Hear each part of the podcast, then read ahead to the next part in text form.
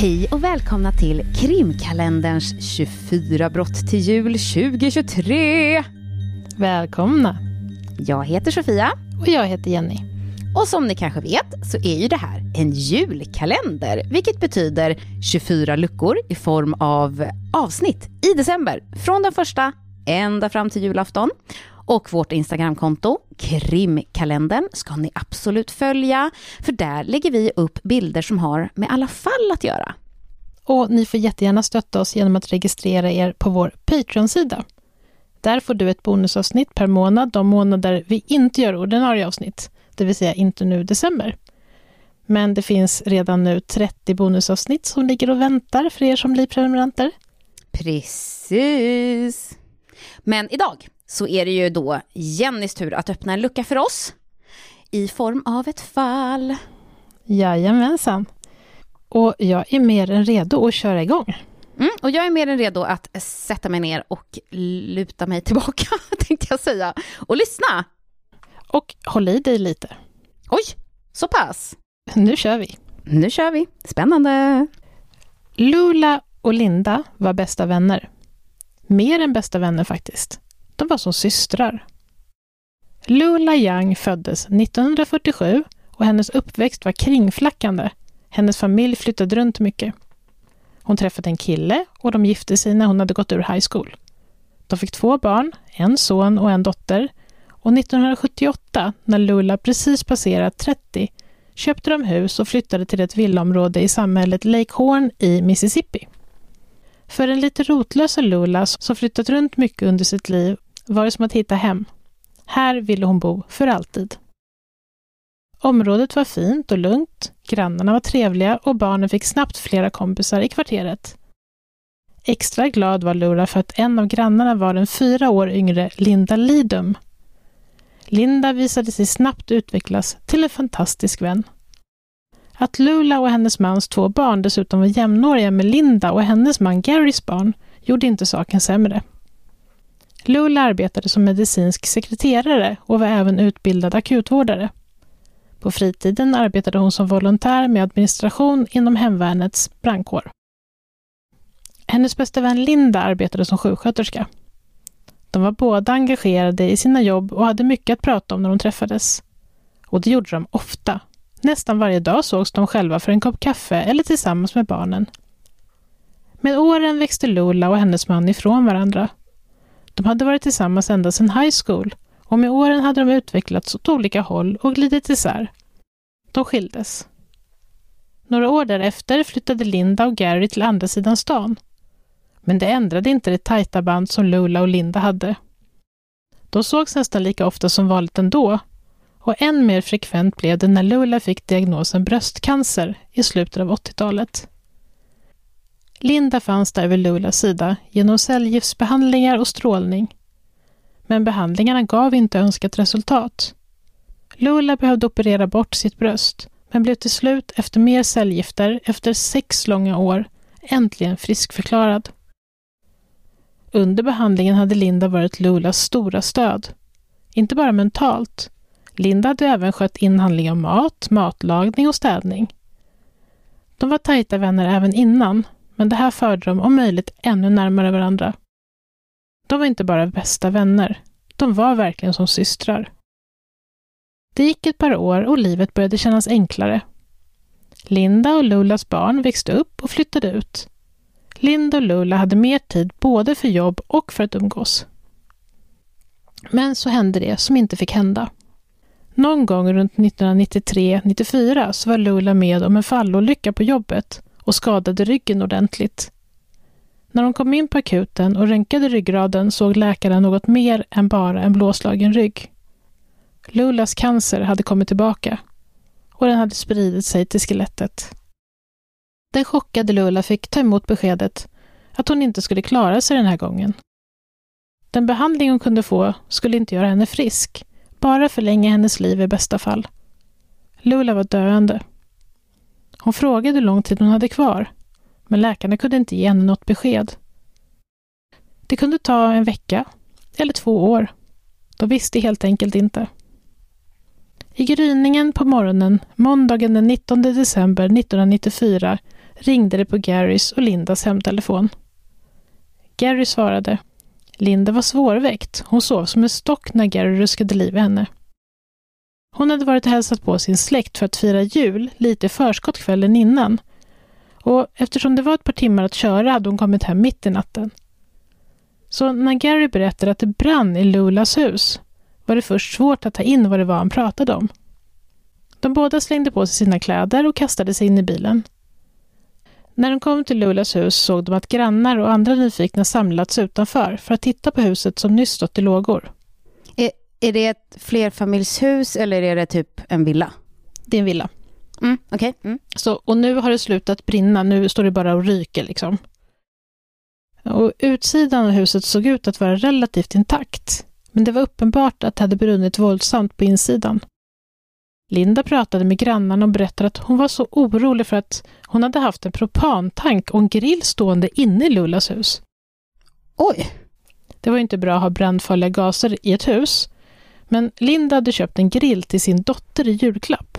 Och för att det inte skulle finnas någon risk att dottern liksom skulle få syn på grillen i Lindas hus, så hade hon bett att få ha den hos Lula fram tills juldagen. Okej. Och det oroade Linda nu, för hon tänkte att det är ju livsfarligt om det börjar brinna och så står det dessutom en propantank där. Mm. Dessutom så hade Lula syrgastankar hemma. Och det var inte heller bra för att hon hade börjat använda syrgas allt eftersom hennes cancer hade blivit sämre. Grannar hade hört två små explosioner från Lulas hus och när de hade tittat ut så hade de upptäckt branden. Så när brandmännen kom till platsen var huset redan på väg att bli övertänt. Så Linda kände väl någon typ av liksom skuld eller oj, jag har gjort det här värre eller någonting sånt. Mm. Linda var chockad. Hon fortsatte att prata med grannarna tills samtalet med en stannade upp. Två brandmän blev synliga i dörröppningen. De kom ut, bärandes på en bår. Det var Lulla. Hon hade hittats liggande på sitt sovrumsgolv vid fotändan av sin säng. Hon hade försökt komma under röken och krypa ut, men hon hade inte klarat sig. Hon hade dött av att inandats rök. Lula Yang blev 46 år gammal. Lulas anhöriga var förtvivlade, men några av dem kände någon slags tröst i att Lula hade dött snabbt. De hade sett henne bli sämre och sämre av sin cancer och det smärtade dem så att se hennes lidande och veta att hennes smärta bara skulle bli liksom värre och värre innan hon dog. Mm. Och nu hade Lula sluppit den sista jobbiga tiden innan cancern skulle ha tagit hennes liv. Då så tänker de liksom, eller? Ja, så, ja, så tänkte de. Och sa även liksom i intervjuer. Ja, jag tänkte bara att, att det kan vara viktigt att säga det så att inte någon hör av sig och bara ursäkta, vad säger ni? Nej, nej. Nej. Det var de som tänkte så. Eller kände så liksom. Lula hade varit en positiv och glad person och alltid försökt njuta av livet även när det var tungt. Men trots att hon inte hade klagat så hade alla märkt hur tufft hon hade det. Nu skulle Lula äntligen få vila. Lulas familj anordnade en minnesstund och annonserade den i den dödsannons som de satte in i de lokala dagstidningarna. Fokus var på att minnas och fira Lullas liv, inte att sörja hennes död. Det blev en fin ceremoni, om man undantog att Linda var otroligt upprörd. I dödsannonsen hade Lulas familj varit uppräknad. Hennes föräldrar, syskon och barn. Men Linda? Var var Lindas namn? Linda frågade med hög röst Lulas mamma det under minnesstunden. Varför hade de inte tagit med hennes namn? Hon var ju som en syster för Lula. Varför hade de inte haft med hennes namn i annonsen?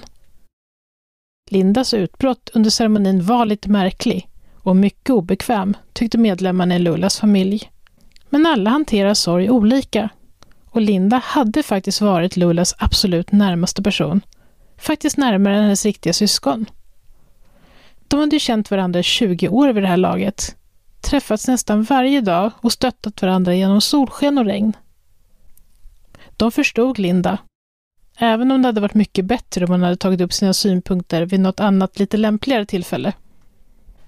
Dagen efter ceremonin skrev Linda insändare till de lokala tidningarna där hon tackade de brandmän som försökt rädda Lulas liv, hennes systers liv. Under tiden som Lulas familj och Linda sörjde pågick brandutredningen för att fastställa orsaken till branden. En propantank hittades i huset, precis som Linda hade sagt när hon berättade om grillen. Men den stod inte i närheten av någon grill. Den stod i närheten av en bärbar värmefläkt. Det var ett märkligt ställe att ha en propantank på.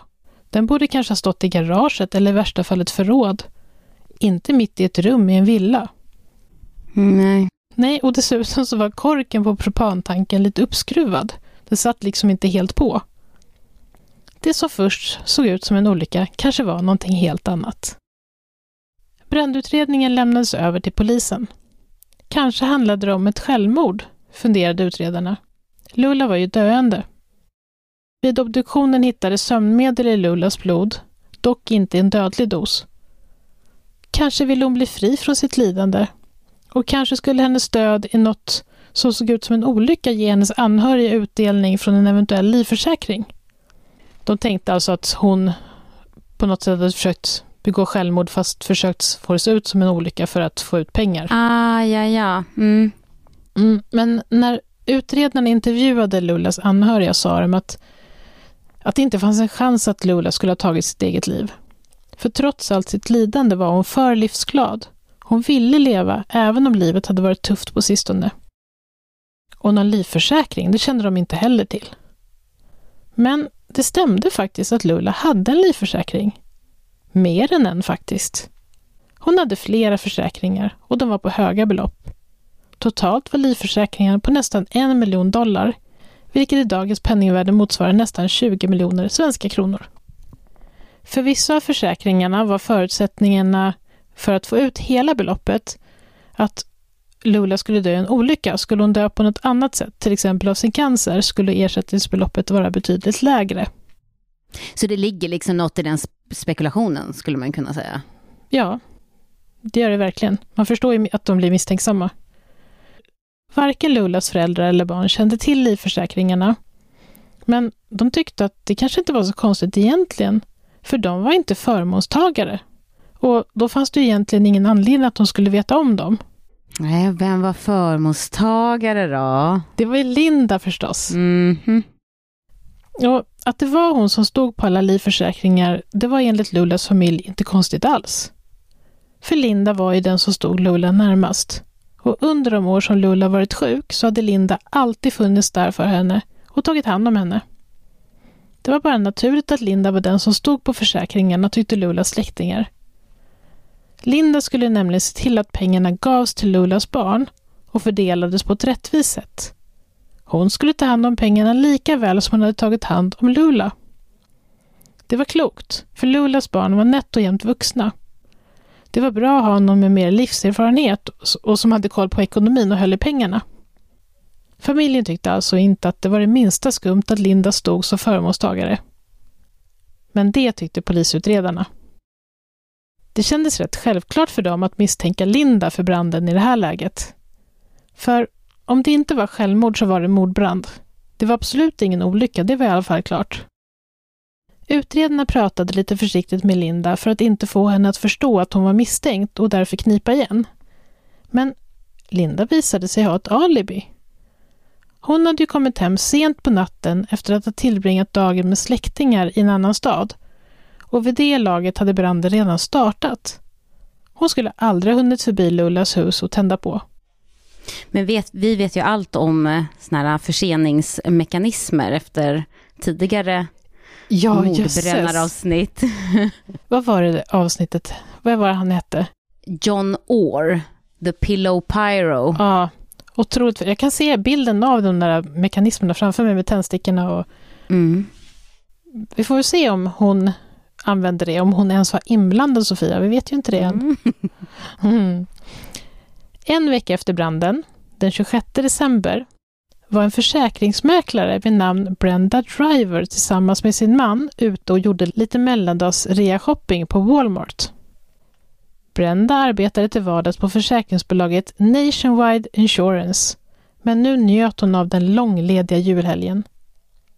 Precis innan hon hade gått på ledighet hade hon fått besked om att en av hennes livförsäkrade kunder, Lulla Young, hade dött i en brand. Så fruktansvärt. Det var svårt att släppa tankarna på den 46-åriga Lulas öde. Hon och Brenda var nästan jämngamla.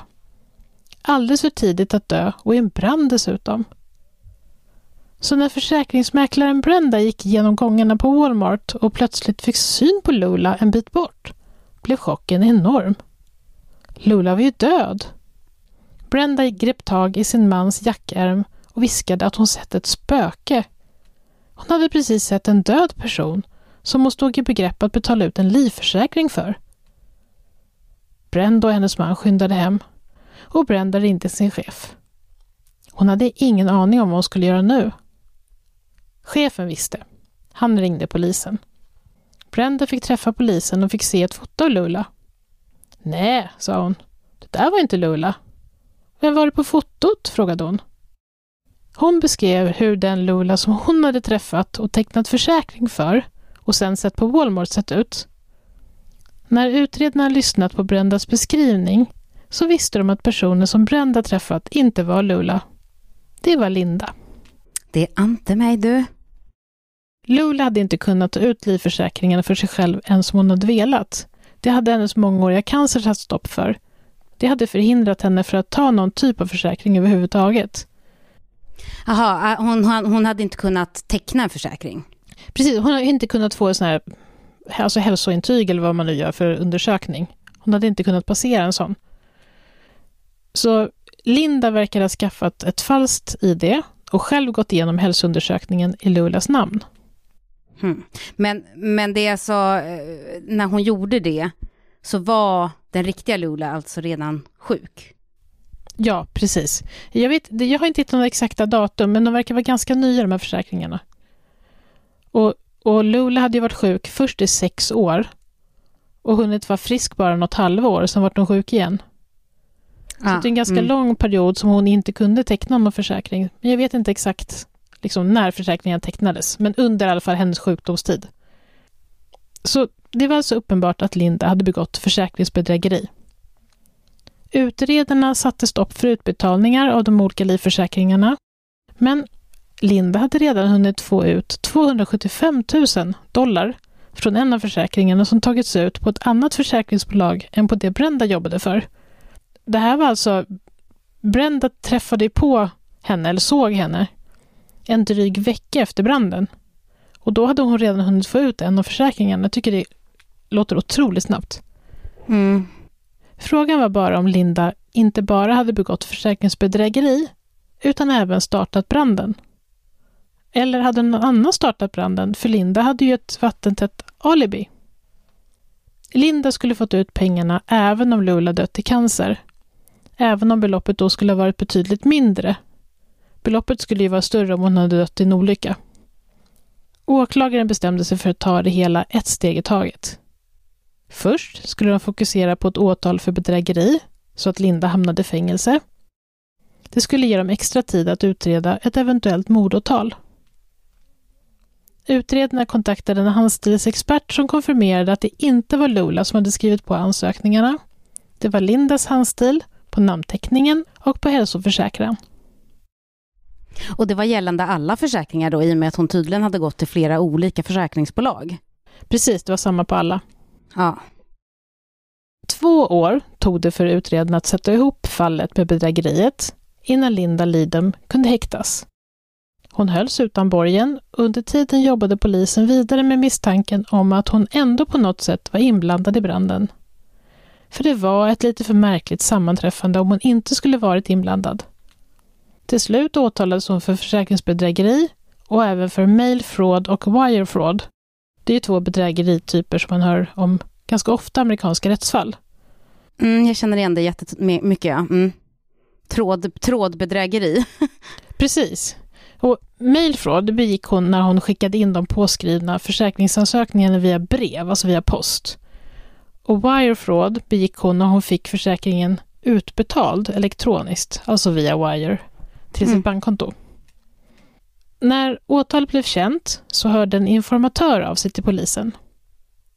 Informatören berättade att han kände en person som hette Charles Wayne Dunn och Charles hade berättat för informatören, som han naturligtvis då inte visste var en informatör, att Charles hade varit inblandad i en brand i Lake Horn, där en kvinna dött.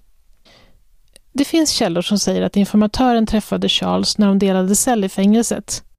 Charles var dömd för narkotikabrott, men var ute nu. Andra källor säger att de träffades när de jobbade ihop. Charles arbetade som trädgårdsarbetare när han inte satt inne. Men oavsett var de träffades så hävdade informatören alltså att Charles Dunn hade erkänt inblandning i branden där Lula Young miste livet. Men utredarna behövde någonting mer än det informatören sagt att Charles hade berättat, för det var ju trots allt bara hörsägen.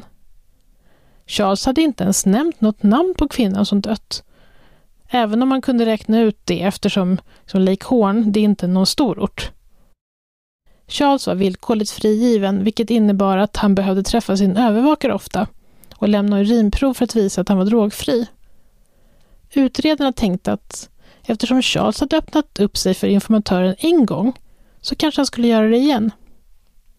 Informatören var även han villkorligt frigiven och utredarna satte därför ihop en plan där han skulle låtsas att han också hade ärenden till samma övervakare. Och där skulle han som en slump stöta på Charles. Och så blev det. Vid nästa möte med sin övervakare så träffade Charles till sin förvåning på sin bekant informatören. Informatören var såklart utrustad med inspelningsutrustning under kläderna. Efter lite småprat tittade informatören på Charles och sa Du, jag kan inte sluta att tänka på det där du berättade om den där branden. Hur tror du det kommer gå med din inblandning i det? Charles erkände ingenting, men han förnekade det inte heller. Han sa bara någonting vagt om att man inte kan springa från sitt förflutna. Men den lilla kommentaren verkade räcka för utredarna. Åklagaren beslutade att det var tillräckligt för att ta in Charles för förhör. Efter lite inledande prat, där de hoppades på att Charles skulle börja prata av sig själv men inte gjorde det, så gick de rakt på sak. De sa att de hade hört att Charles var ansvarig för branden som hade tagit Lula Youngs liv. Och till utredarnas förvåning erkände Charles. Mm. Han berättade att han hade fått 5 000 dollar för att sätta eld på Lulas hem. Gissa vem som hade givit honom det uppdraget? Lulas bästa vän och kosmiska syster Linda Lidem förstås. Mm. Men, sa Charles, det var inte mord. Charles visade sig känna Linda. Han hade dejtat Lindas och Garys dotter ett kort tag några år tidigare. Det hade tagit slut, men han och dottern hade fortsatt att vara vänner. Så pass bra vänner faktiskt att när dottern hade träffat en ny man och blivit sambo med honom så fick Charles vara deras inneboende under ett tag när han hade lite problem med bostad på grund av att han var så att säga lite brottslig. Det var i samband med att han bodde hos Linda och Garys dotter och sambo som Charles träffat Linda för första gången. Efter det hade Linda och Gary då och då börjat anlita Charles när de behövde hjälp med olika saker i hemmet som mindre renoveringar och sånt fix. Eftersom Linda och Lula var så tajta och träffades hela tiden så hade Charles lärt känna Lula också. Han hjälpte också henne ibland i hemmet, särskilt på senare tid sedan cancern kom tillbaka. Charles berättade att Linda motiverat branden med att Charles gjorde Lula en tjänst. Det var faktiskt så, hade Linda sagt, att Lula var med på det hela. Hon ville att Charles skulle elda ner hennes hus och döda henne. Hon var ju döende och hon ville inte lida mer. Lula hade helt enkelt bett Linda om hjälp att begå självmord. Och Linda hade så att säga delegerat hela till Charles. Och Charles, som gärna ville vara hjälpsam, hade gått hem till Lula på kvällen den 19 december, hjälpt henne att komma i säng och hjälpt henne att få i sig sin medicin och sömntabletter. Det var inget konstigt, han var ju där då och då ändå och hjälpte henne med annat. Fy vad fult alltså. Eller hur? Det är så otäckt. När hon somnat hämtade han propantanken och vred upp korken lite. Han ställde den intill en värmefläkt och tog sönder sladdarna lite så att det skulle bli kortslutning. Sen knölade han ihop lite tidningar och la mot värmefläkten så att elden skulle ta sig så snabbt som möjligt när den väl kom igång. Han satte fläkten på max och gick därefter därifrån. Linda hade sagt till honom att ingen skulle misstänka henne och därför inte honom heller eftersom hon och Lula var bästa vänner. För även om det här var ett assisterat självmord, sa Linda, så var det ju ändå olagligt. Men Linda och Lula var mer än vänner, de var ju systrar. Och Linda gjorde allt för sin syster, även att hjälpa henne att dö. Så när Lula hade bett Linda om hjälp att dö hade hon inte kunnat säga nej helt enkelt. Men Linda hade haft fel om det där med att ingen skulle misstänka henne. Och nu satt Charles i skiten. Det enda sättet han kunde förbättra sin situation, det var genom att samarbeta. Så utredarna fick Charles att ringa Linda. Hon satt ju redan i fängelse i och med att hon hade blivit åtalad för... eh, Just det, försäkringsbedrägeriet. Ja, hon satt i häkte, men i fängelset och väntade på den rättegången. I det här samtalet som naturligtvis spelades in så fick han inte ur henne liksom inget tydligt erkännande. Men däremot så pratade hon om betalningen, de här 5 000 dollarna. Vilket ändå var någon slags liksom bekräftelse på att det han hade berättat var sant. Ja. Nu hade Charles börjat prata och han tänkte inte sluta innan han hade fått ur sig allt. Han berättade för utredaren att han hade faktiskt tänt på en gång till efter branden i Lullas hus. Men den här gången i Lindas dotters hus. Det var något år efter branden i Lullas hus när allt verkade ha lugnat sig. Linda visste inte att utredarna misstänkte henne och hon kände kanske att hon kunde tända på igen utan att bli misstänkt. För den här branden så hade Charles bara fått 500 dollar. Syftet den här gången hade inte varit att döda någon, utan bara att bränna ner dotterns hus så att hon skulle få ut försäkringspengarna för huset. Hur det gick med den saken, det vet inte jag. Jag vet inte om huset brann ner. Jag vet inte om hon fick ut några försäkringspengar och jag vet inte heller om dottern var med på det här på något sätt. Hon har aldrig blivit åtalad för någonting. Så om det vill jag inte säga någonting. Men om utredarna skulle ha trott att Linda dödat Lula av godhet så hade de nu fått bekräftat att hon kanske mer motiverades av försäkringspengar än av barmhärtighet. Ja, alltså jag tänker också så här från andra fall så vet jag att folk har tyckt det har varit väldigt misstänkt när en närstående ringer lite för tidigt till ett försäkringsbolag för att få ut försäkringspengar. Ja, precis. Så det kan jag ju föreställa mig att de tyckte här också, alltså inom en vecka, att man liksom inte då är upptagen med att sörja, utan är upptagen med att vilja få ut försäkringspengar. Liksom.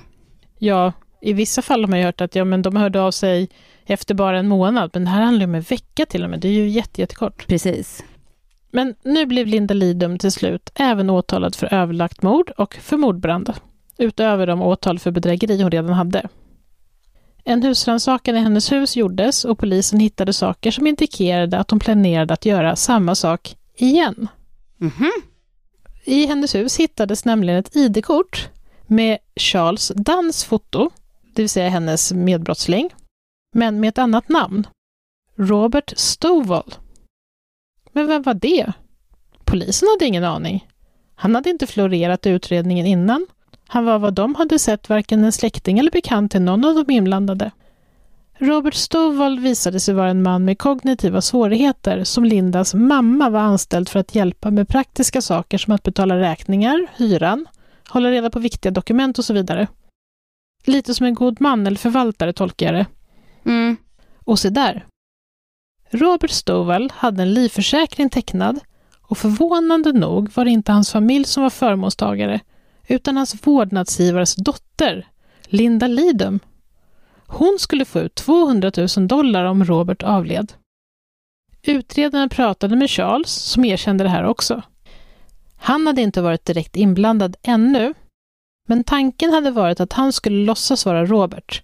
Därav det falska ID-kortet med hans foto och Robert Stovels namn. Lindas plan verkade ha varit att göra likadant som med Lula.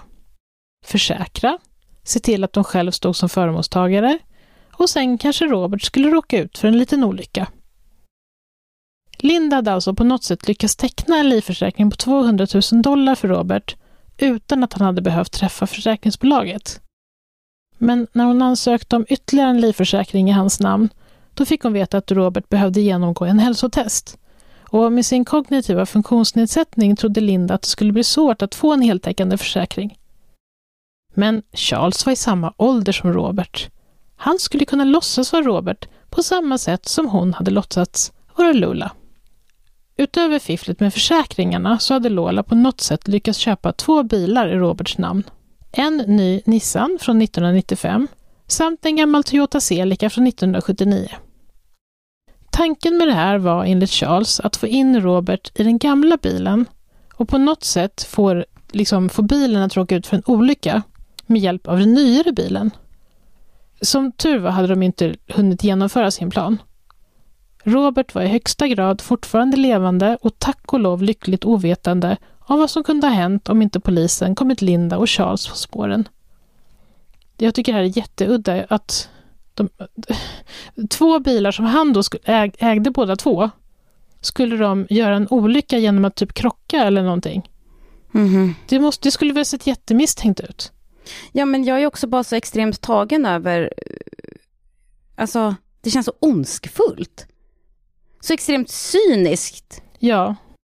Och också så märkligt för att hon var ju liksom vän med Lula i 20 år. Och det är liksom hon var en jättebra vän. Hon ställde upp, hon lagade mat, hon tog henne till alla sina sjuk, sjukhusbesök. Otroligt. Ah. Och sen bara gick det överstyr och rullade på. Ja, jag vet inte. Det är väldigt otäckt. Jätteotäckt. Den 11 mars 1997, drygt två år efter branden, erkände sig Linda skyldig till försäkringsbedrägeri, mailfraud och wirefraud och dömdes till 27 månader i fängelse Plus att betala tillbaka de här 275 000 dollarna hon redan hade fått ut utav en av försäkringarna. Och nu hade utredarna köpt sig mer tid för att kunna fortsätta med utredningen av vad de nu visste var ett mord. Men mordutredningarna tar ofta tid. Två år senare, i augusti 1999, så var det äntligen dags för Lindas mordrättegång. Charles Dunn han gjorde en deal med åklagaren för att slippa dödsstraff genom att vittna mot Linda han drev fortfarande linjen att han hade trott att Lula ville dö. Att han trodde att han hade hjälpt till med ett självmord. Linda hade lurat honom att tro det. Men det är också så vansinnigt naivt. Ja. Och, och sen var ju han faktiskt den som tände på Lindas dotters hus. Ja. Och han var ju, han var ju medveten om den här, äh, vad ska man säga, det här som Linda tänkte göra mot Robert Stovall. Det visste ju han ja. ju om. Så att, ja, jag vet inte. Lindas försvarare hon hävdade att Charles ljög. Han hade mördat Lula ensam. Linda hade inte vetat någonting om det. Och varför han hade gjort det, ja, inte visste hon. Charles var ju knarkare. Han hade ju till och med suttit inne för ett narkotikabrott. Det här var alltså vad Linda sa. Mm. Och sådana vet man hur de är, la hon till. Däremot erkände Linda, precis som hon hade gjort när hon erkände bedrägeri, att hon medvetet lurat försäkringsbolagen så hon erkände mm. då försäkringsbrott.